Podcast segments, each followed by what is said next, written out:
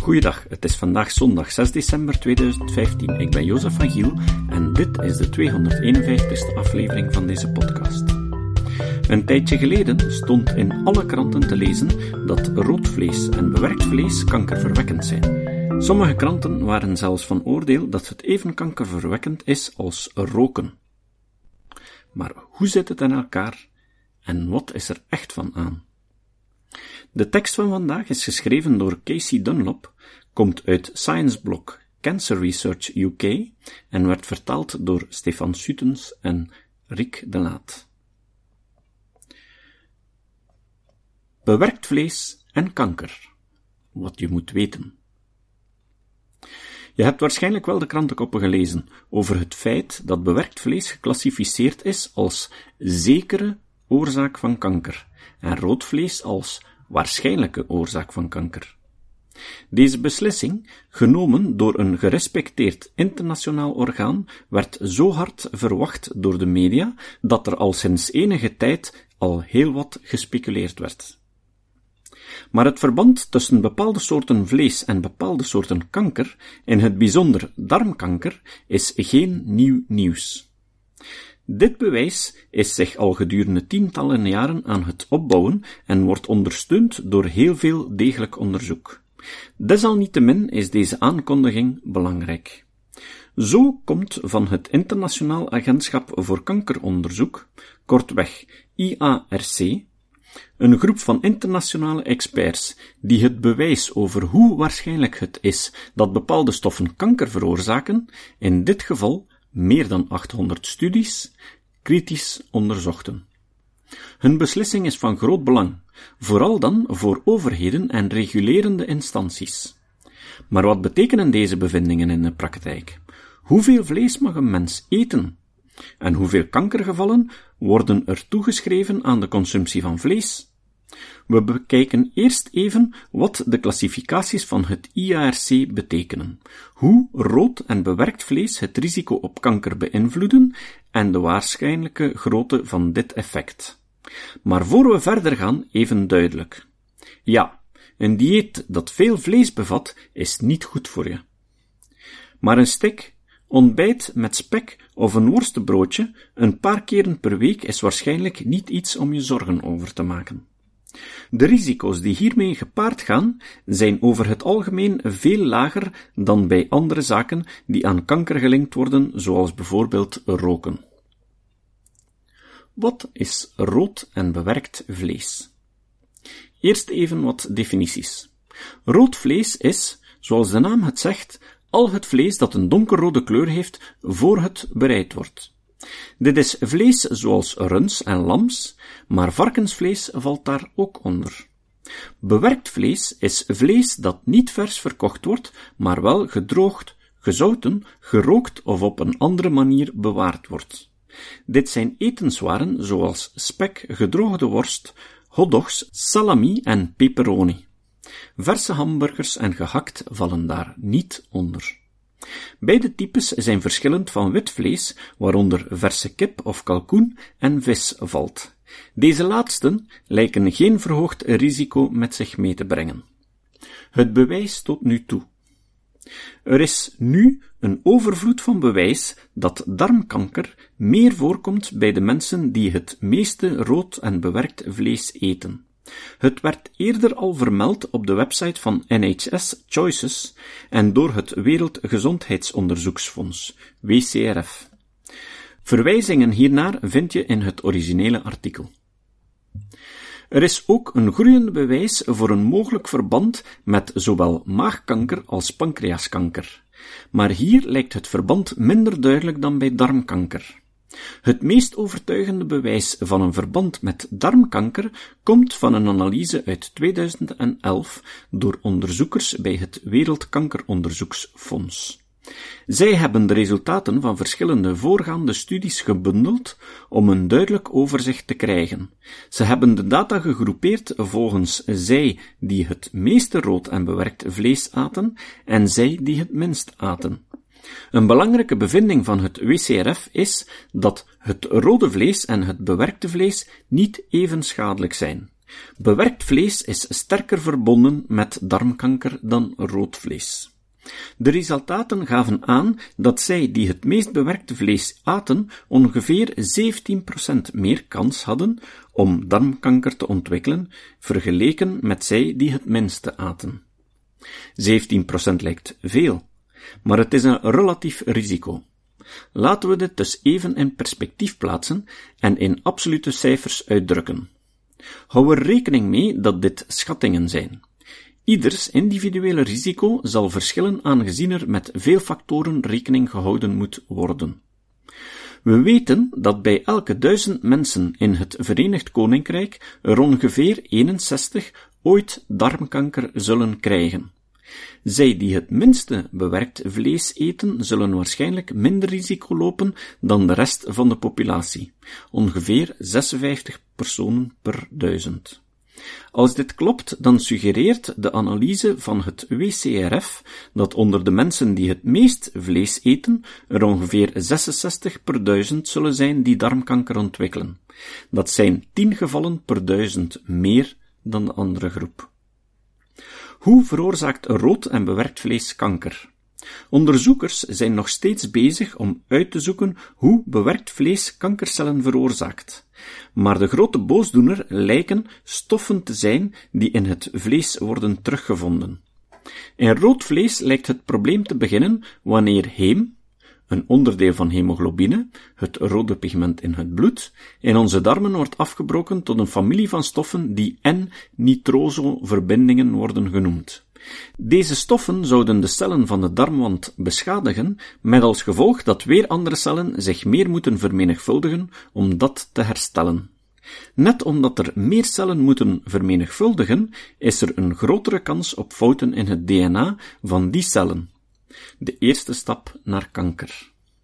Daarboven bevat bewerkt vlees stoffen die in de ingewanden en nitrosoverbindingen aanmaken, zoals bewaarmiddelen met nitrieten. Het bereiden van vlees op hoge temperaturen, zoals grillen of barbecuen, kan ook stoffen aanmaken die de kans op kanker laten toenemen. Deze stoffen worden over het algemeen ook meer aangemaakt in rood en bewerkt vlees in vergelijking met ander vlees. Maar er zijn ook andere theorieën.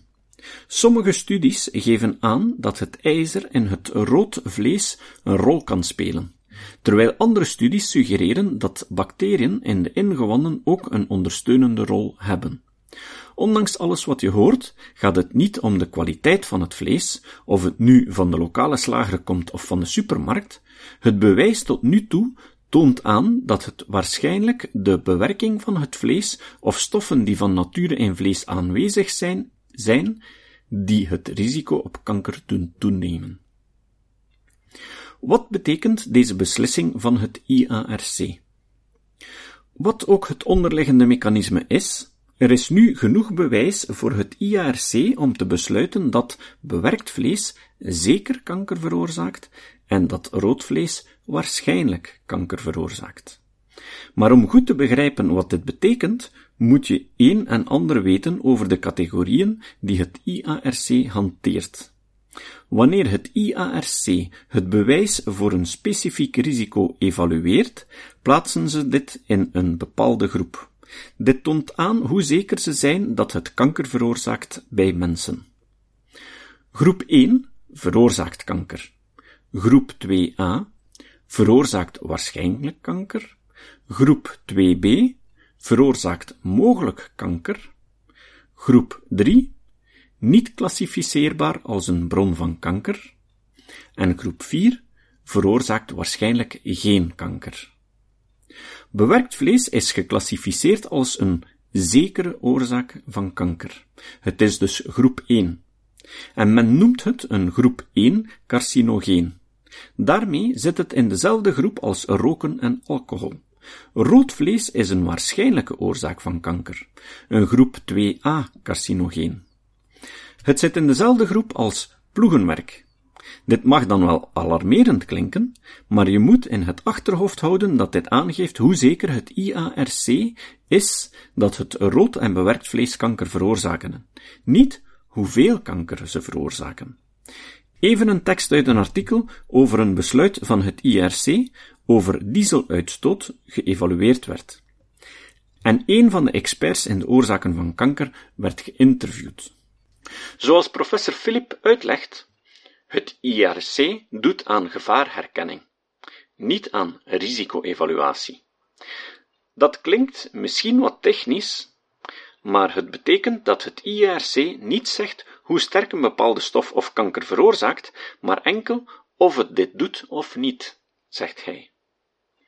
Om een analogie te maken, denk aan bananenschillen. Ze kunnen zeker ongevallen veroorzaken, zegt Philips, maar in de praktijk komt dit slechts zelden voor. Tenzij je in een bananenfabriek werkt. Ook de verwondingen die je oploopt door uit te schuiven over een bananenschil zijn over het algemeen niet zo erg als, bijvoorbeeld, betrokken zijn bij een verkeersongeval. Maar onder een gevaarherkenningssysteem, zoals dat van het IARC, zouden bananenschillen en auto's in dezelfde categorie vallen. Ze veroorzaken beiden met zekerheid ongevallen. Om het even in perspectief te zetten. Laat ons eens de effecten van het rode en bewerkte vlees vergelijken met roken. Het bewijs dat bewerkt vlees kanker veroorzaakt is zo sterk als het bewijs voor tabak. Maar het risico bij tabak is veel groter. Kanker veroorzaakt door tabak is goed voor 86% van de longkankers en daarmee ook goed voor 19% van alle kankers. Kanker veroorzaakt door bewerkt en rood vlees is goed voor 21% van de darmkankers en daarmee ook goed voor 3% van alle kankers. In het Verenigd Koninkrijk zouden er 64.500 minder gevallen van kanker zijn als niemand rookte. Er zouden 8.800 minder gevallen zijn als niemand bewerkt of rood vlees at. In 2011 schatten wetenschappers dat ongeveer 3 per 100 gevallen van kanker in het Verenigd Koninkrijk te wijten waren aan een overconsumptie van rood en bewerkt vlees, dus 8800 gevallen per jaar. Vergelijk dit met 64.500 gevallen elk jaar door roken, goed voor 19% van het totaal. Wat betekent dit voor maaltijden? Heeft rood vlees en bewerkt vlees nog een plaats in een gezond dieet? Niets van dit alles betekent dat een enkele vleesrijke maaltijd slecht voor je is. Wat het wel betekent, is dat over een lange tijdsperiode regelmatig grote hoeveelheden rood en bewerkt vlees eten waarschijnlijk niet de beste aanpak is voor een lang en gezond leven. Vlees kan je eten in kleine, redelijke hoeveelheden. Het is een goede bron van eiwitten, ijzer en zink. Het gaat erover dat je nadenkt en niet te veel en te vaak vlees eet. Maar hoeveel is dan een redelijke hoeveelheid vlees? Deze vraag is moeilijker te beantwoorden. Tot nu toe geeft het bewijs niet weer welke hoeveelheid in termen van risico op kanker te veel is. Alles dat we kunnen zeggen is dat over het algemeen het risico kleiner is als je minder eet.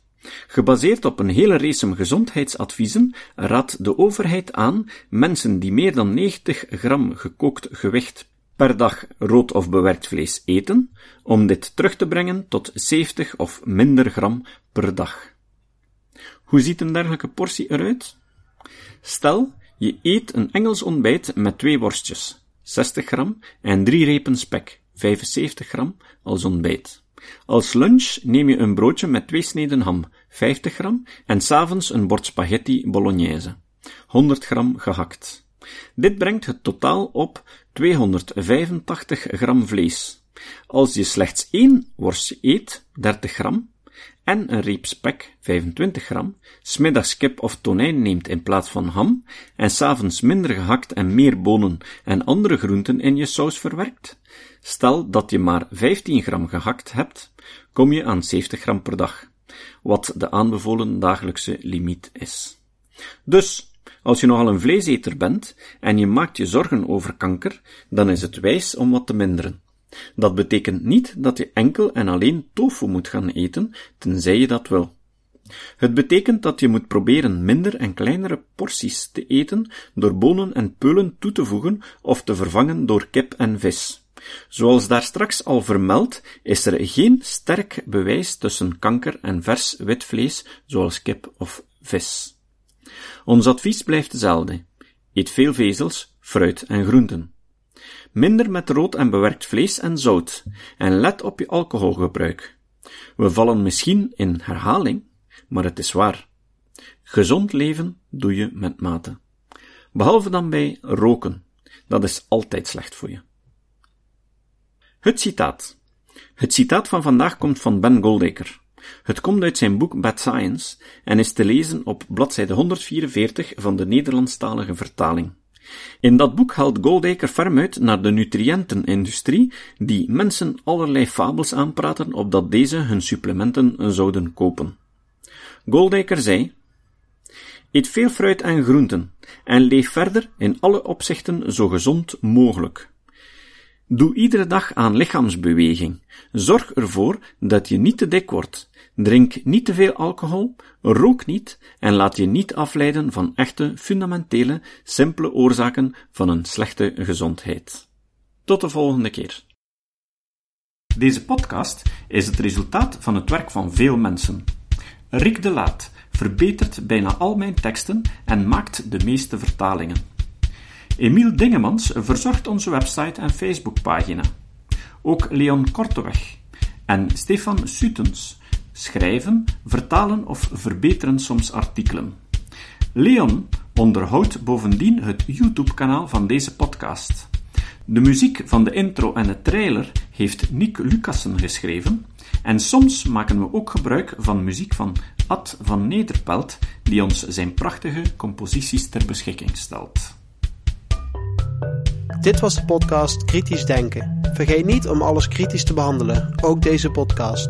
Voor verdere informatie over deze podcast, links en voor de tekst, surf naar www.kritischdenken.info. Als je deze podcast belangrijk vindt, kun je me steunen door anderen warm te maken ook eens te luisteren. Stuur een e-mail naar vrienden met een link naar de website en plaats de link in de handtekening van je e-mails. Tevens kun je op iTunes deze podcast een beoordeling geven of een recensie schrijven. Of je kan op je eigen website of blog een link naar kritisch denken plaatsen.